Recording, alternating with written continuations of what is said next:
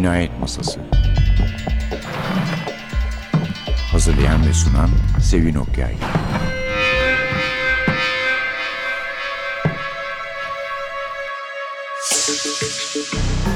Merhaba, NTV Radyo'nun Cinayet Masası programına hoş geldiniz. Efendim bugün size gene bir Patricia Highsmith kitabı sunacağım. Biliyorsunuz Can Yayınları onun replay kitaplarının daha önce Türkçe olarak yayınlanmayan bir tanesi de dahil olmak üzere hepsini yayınladı. Ve bu çok sevdiğimiz kitaplardan ilkini filmini de hatırlayacağınızı düşündüğümüz ilk kitabı Yetenekli Bay Ripley'i size hemen takdim etmiştik ama şimdi beşini birden takdim etmek çok zor olduğu için hadi biraz daha vakit geçsin de beşinciyi de sunalım dedim ve işte beşinciyle birlikte karşınızdayız. Ripley'in oyunu.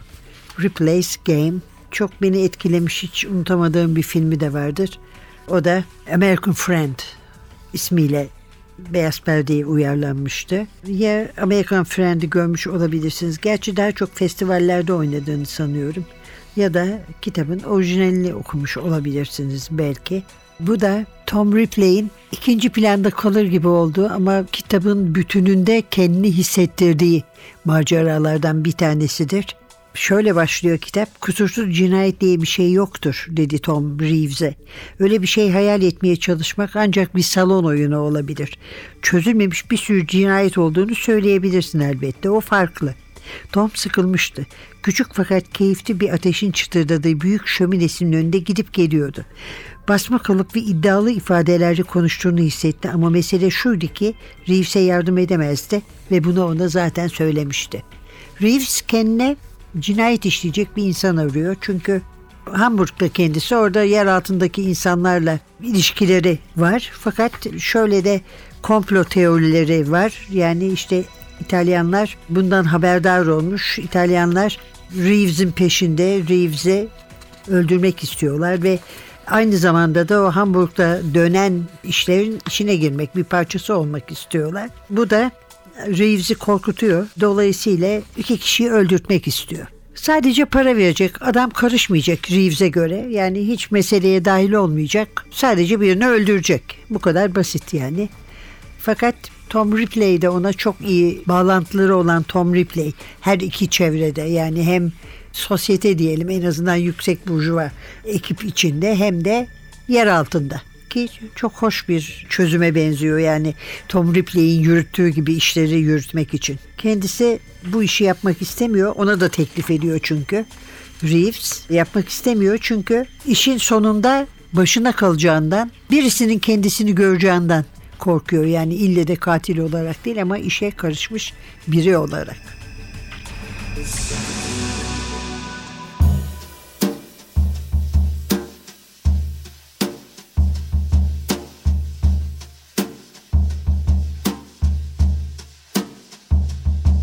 It ain't necessarily so. It ain't necessarily so. The things that you're liable to read in the Bible, it ain't necessarily so. Now, David was small, but oh my. Little David was small, but oh my. He fought big Goliath, laid down to die. David was small, but oh my. To get into heaven, don't snap for a seven. Live clean, get your falls.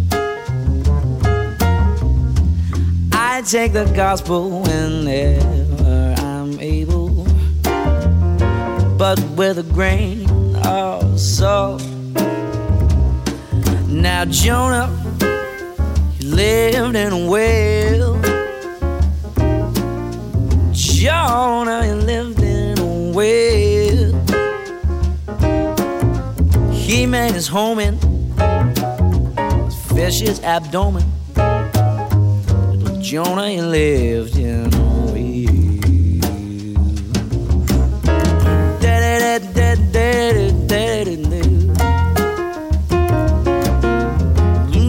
dun dun dun.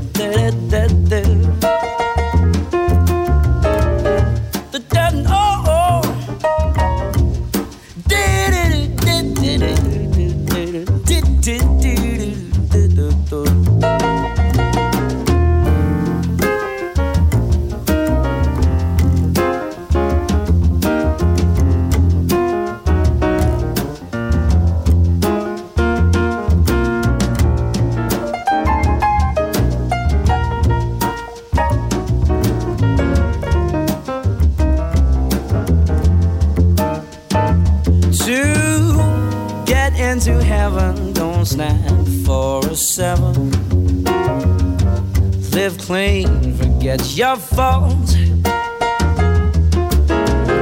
I take the gospel whenever I'm able, but with a grain of salt. Methuselah lived 900 years. Methuselah lived 900 days. Who called it living? No gala giving, no man that's 900 years. It ain't necessarily so. It ain't necessarily so. The things that you're liable to read in the Bible, it ain't necessarily so. Necessarily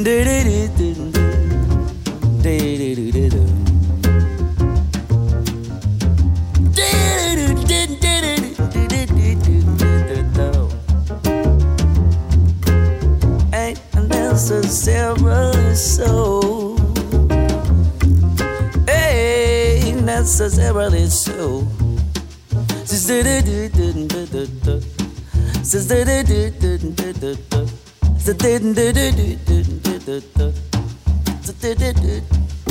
Ain't necessarily so.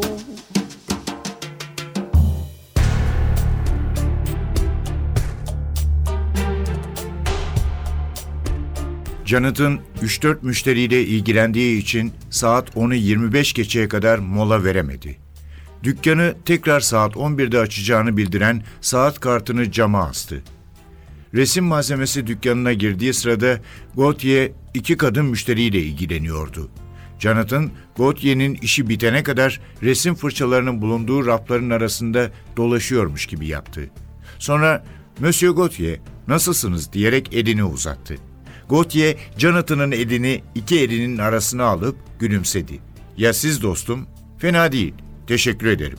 Zamanınızı almak istemem. Fakat size sormak istediğim bir şey vardı. Evet nedir? Jonathan eliyle Gautier'e kapıdan uzaklaşmasını işaret etti. Her an birisi girebilirdi içeri. Küçük dükkanda ayakta durabilecek fazla yer yoktu. Bir arkadaşımdan, Alan'dan bir haber aldım. Onu hatırlıyor musunuz? İngiliz arkadaşım. Birkaç hafta önce evimde verdiğimiz partiye gelmişti. Evet, İngiliz arkadaşınız Alan. Gautier hatırlamıştı ve dikkatle dinliyordu.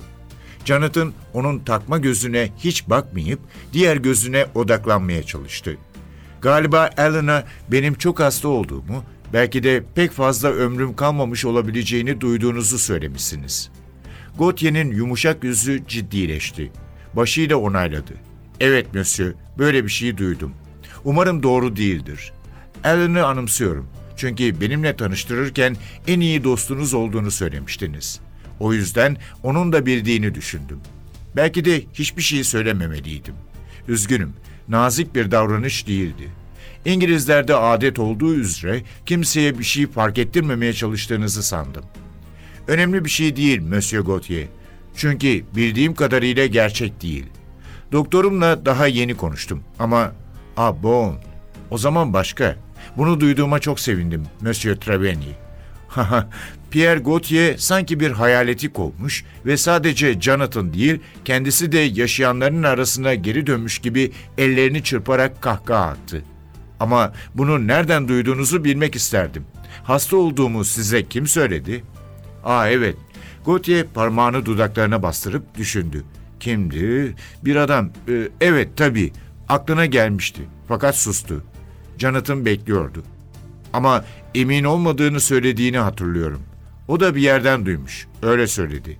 Tedavisi imkansız bir kan hastalığı dedi.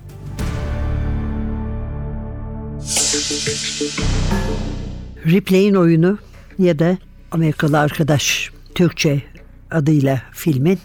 Çünkü American Friend diye gösterime girmişti film. Bu isimle yani Ripley'in oyununu kullanmamışlardı ve Matt Damon da hatırlarsanız ilk filmde oynayan Tom Ripley'i burada çok daha farklı oyunculuğu ve tipi olan birini görüyoruz. Tom Ripley olarak belki de Tom Ripley'in bu maceradaki rolüne daha uygun olduğu da düşünülmüştür ki çok da sevdiğimiz bir oyuncu ve yönetmendir. Dennis Hopper oynuyor. Bir de burada Tom Ripley'in bir suça iştirak etmeye kandırdığı hasta bir adam var.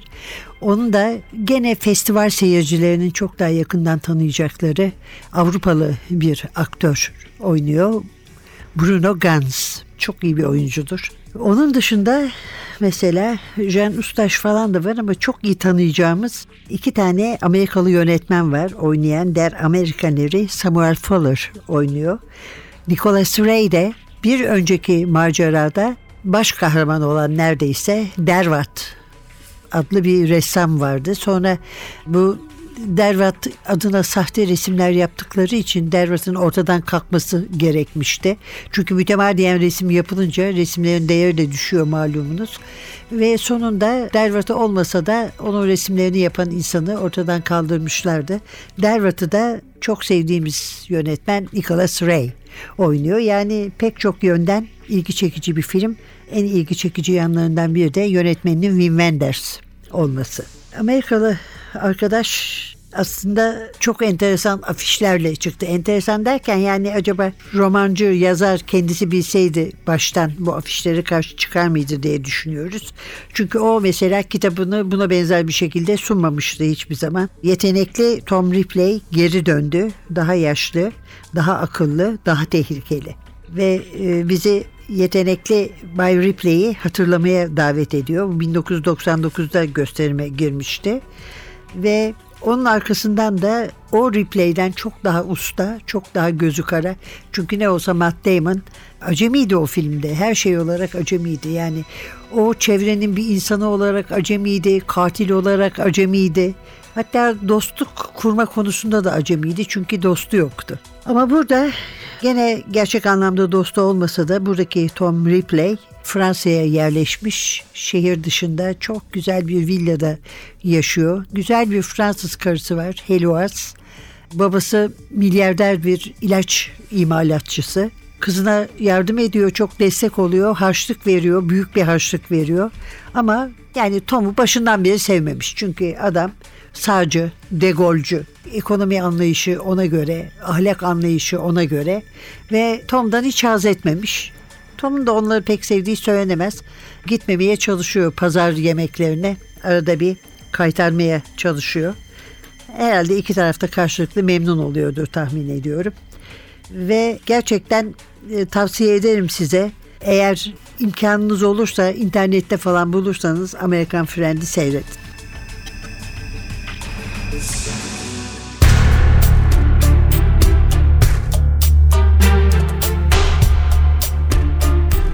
Jonathan, Simon'un ailesi Pusidyelerle öğle yemeği yemek için Numur'a gitmekten paçayı kurtarmıştı. İki haftada bir pazar günleri oraya giderlerdi. Simon'un abi Gerard gelip onları almazsa Numor otobüsüne binerlerdi. Pusidyelerin evinde Gerard, eşi ve iki çocuğunun da kaldığı, onlar da Numur'da oturuyorlardı, zengin bir öğle yemeği yenirdi. Simon'un anne ve babası George'u her zaman baş tacı eder ve mutlaka bir hediye verirlerdi. Saat 3 civarında Simon'un babası Jean-Noël televizyonu açardı. Jonathan genellikle sıkılırdı fakat Simon'a eşlik ederdi. Çünkü doğrusu buydu ve Fransız ailelerindeki bu bağlılığa saygı duyardı. Jonathan gelmek istemediğini söyleyince Simon iyi misin diye sordu. Evet sevgilim Yalnızca bugün havamda değilim. Ayrıca bahçede domatesler için bir yer açmam gerekiyor. Neden George'da ikiniz gitmiyorsunuz? Böylece Simon ve George öğlen kalkan otobüse bindiler. Simon, Jonathan acıkırsa ısıtıp yesin diye Büyük Bourgognon'un kalanını küçük kırmızı bir güveç kabına koyup ocağın üstüne bırakmıştı. Jonathan yalnız kalmak istemişti. Gizemli Stephen Wister'ı ve yaptığı teklifi düşünüyordu. Gerçi Legal Noir'ı arayıp Wister'la konuşmak istiyor filan değildi. Ama onun hala orada birkaç yüz metre uzağında olduğunu biliyordu. Wister'la temasa geçmeye niyeti yoktu. Fakat bu tepeden inme rahatsız edici fikir onda merak ve heyecan uyandırmış, olaysız geçen hayatına renk katmıştı. Jonathan onu gözlemek ve bir anlamda keyfini çıkarmak istiyordu. Simon'un kendisinin düşüncelerini okuyabildiğini, bunu sık sık kanıtlamıştı ya da en azından kafasını meşgul eden bir şey olduğunu anladığını da hissediyordu. O pazar günü bir şekilde dalıp giderse Simon'un bunu fark edip sebebini sormasını istemiyordu. O yüzden azimle bahçe işine girişip hayal kurdu. 40 bin sterlinle evin borcu bir seferde kapatılır, birkaç taksitle satın alınmış eşyanın borcu biter, evin gerekli yerleri boyanabilir, bir televizyon seti alınabilir, George'un üniversite parası kenara koyulabilir, Simon ve kendisi için birkaç parça kıyafet alınabilirdi.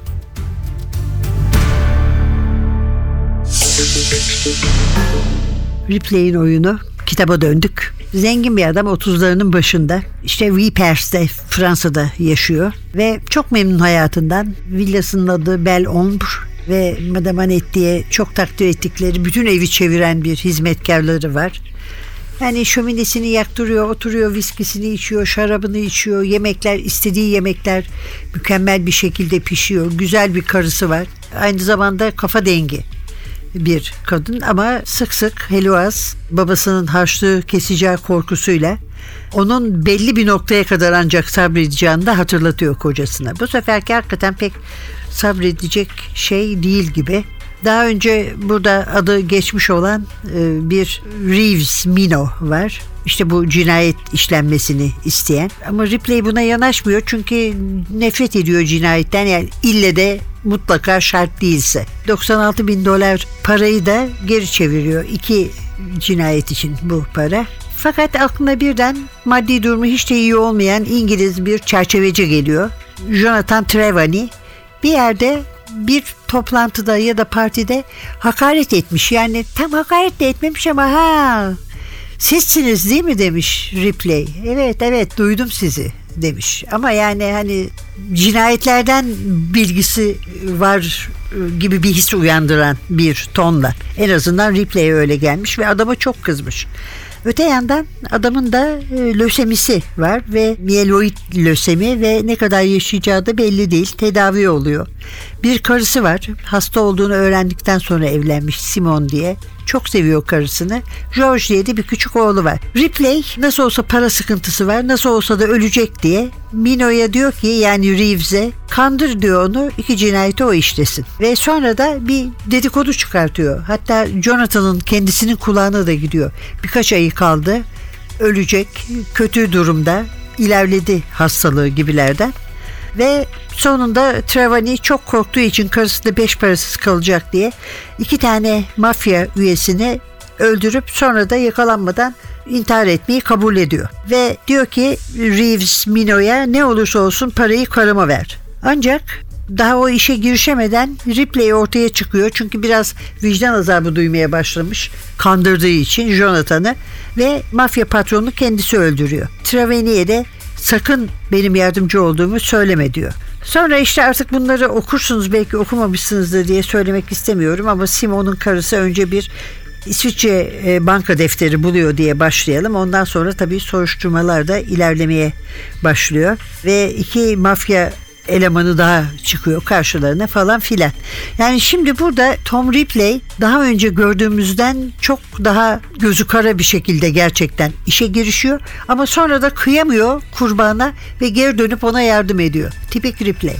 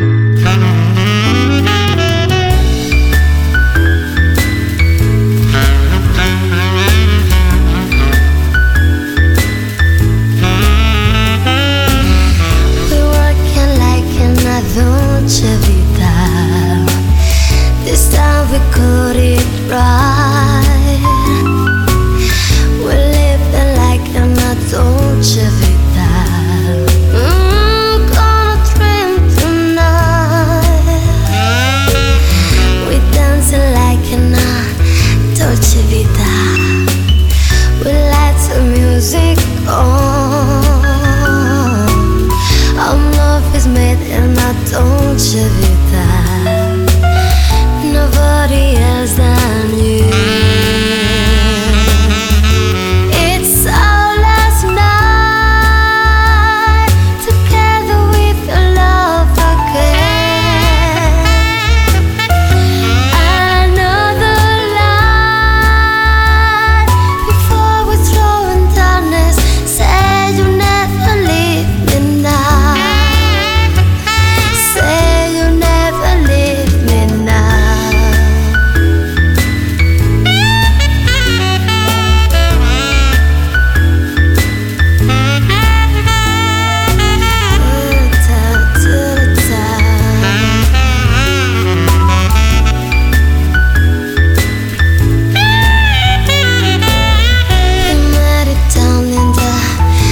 much if you die. What body feels so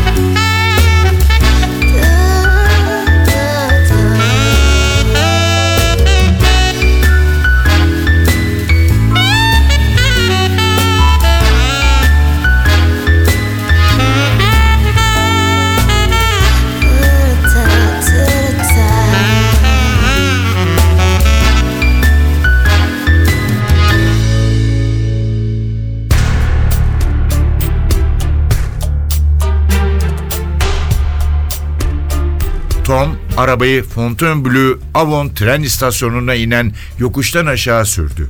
Sonra sağa dönüp Avon'a giden yola girdi. Her şey yolunda mı diye sordu. Yüzünde aydınlık bir ifadeyle. Evet dedi Treveny. Gazeteleri görmüşsündür. Evet. O fedai ölmemiş. Biliyorum.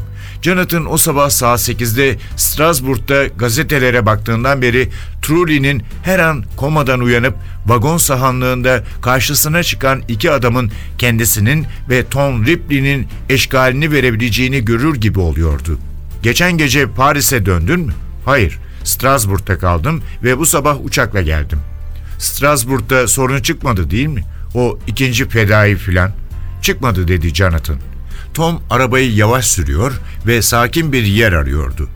İki katlı evlerin olduğu küçük bir caddede park edecek bir yer bulup motoru durdurdu ve farları söndürdü. Gazeteler herhangi bir ipucundan, en azından işe yarar bir ipucundan bahsetmediğine göre sanırım oldukça iyi iş çıkardık. Tek pürüz o komadaki fedai. Tom, Jonathan'a sigara ikram etti ama Jonathan kendi paketini çıkardı. Tom, Reeves'den haber aldın mı diye sordu.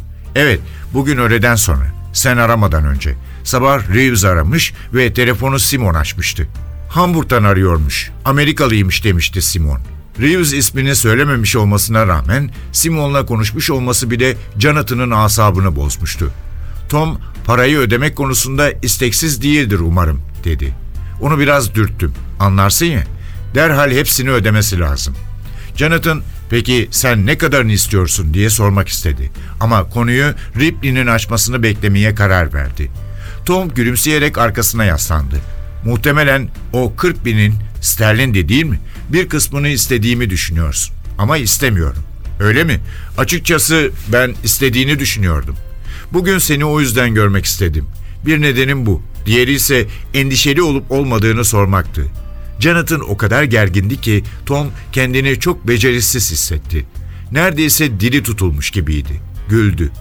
Elbette endişeleniyorsun. Ama dert var, dert var. Benimle konuşmak istersen belki yardımcı olabilirim. Jonathan, Tom'un gerçek amacının ne olduğunu merak ediyordu. Mutlaka istediği bir şey vardı. Sanırım neden o trende olduğunu tam olarak anlayamıyorum. Çünkü benim için bir zevkti. O gibi adamları ortadan kaldırmak veya buna yardım etmek benim için zevktir. Bu kadar basit. Ayrıca cebine biraz para girmesine yardım etmek de hoşuma gitti. Yine de yaptığımız şeyle ilgili kaygıların olup olmadığını merak ediyorum. Bunu kelimelerle ifade etmem zor. Belki de ben hiç endişelenmediğim için. En azından şu ana kadar.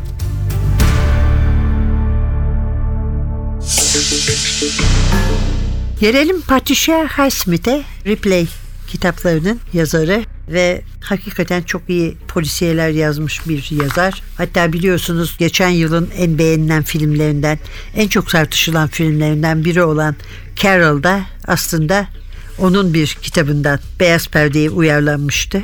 Texas doğumlu ama New York'ta büyümüş. Avrupa'da çok seyahat etmiş. Zaten Avrupa'da çok seviliyor ve genelde Avrupalı yönetmenler filmlerini beyaz perdeye uyarlamış. Hiç sevmiyor kendi hakkında konuşmayı, filmleri hakkında konuşmayı diyor ki yani ben bir kere verdimse vermişimdir artık beni ilgilendirmez diyor. Bize biraz Nicholas Hornby'yi hatırlatacak bir şekilde.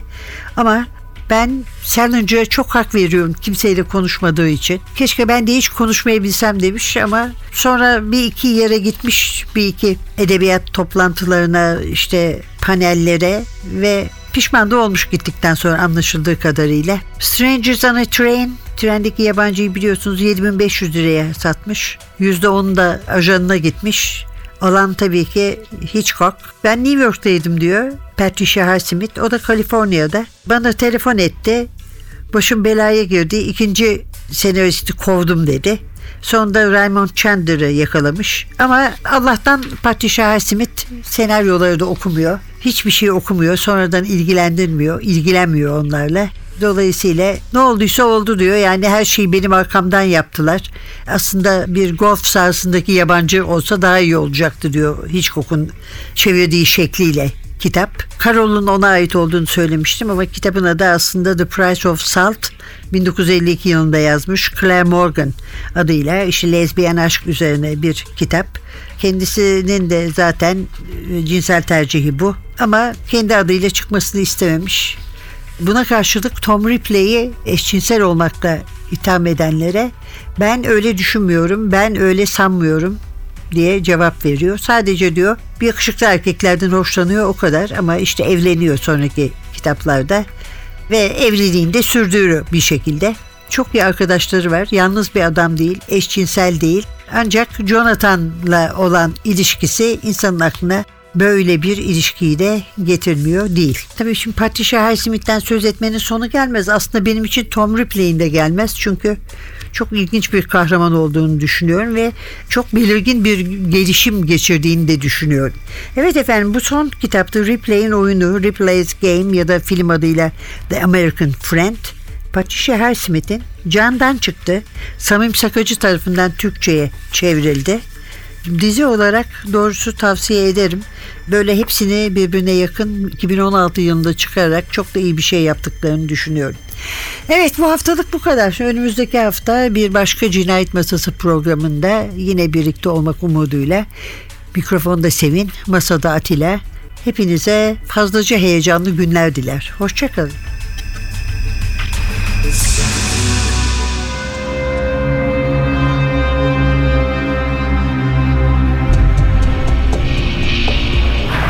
Cinayet Masası. Hazırlayan ve sunan Sevin Okyay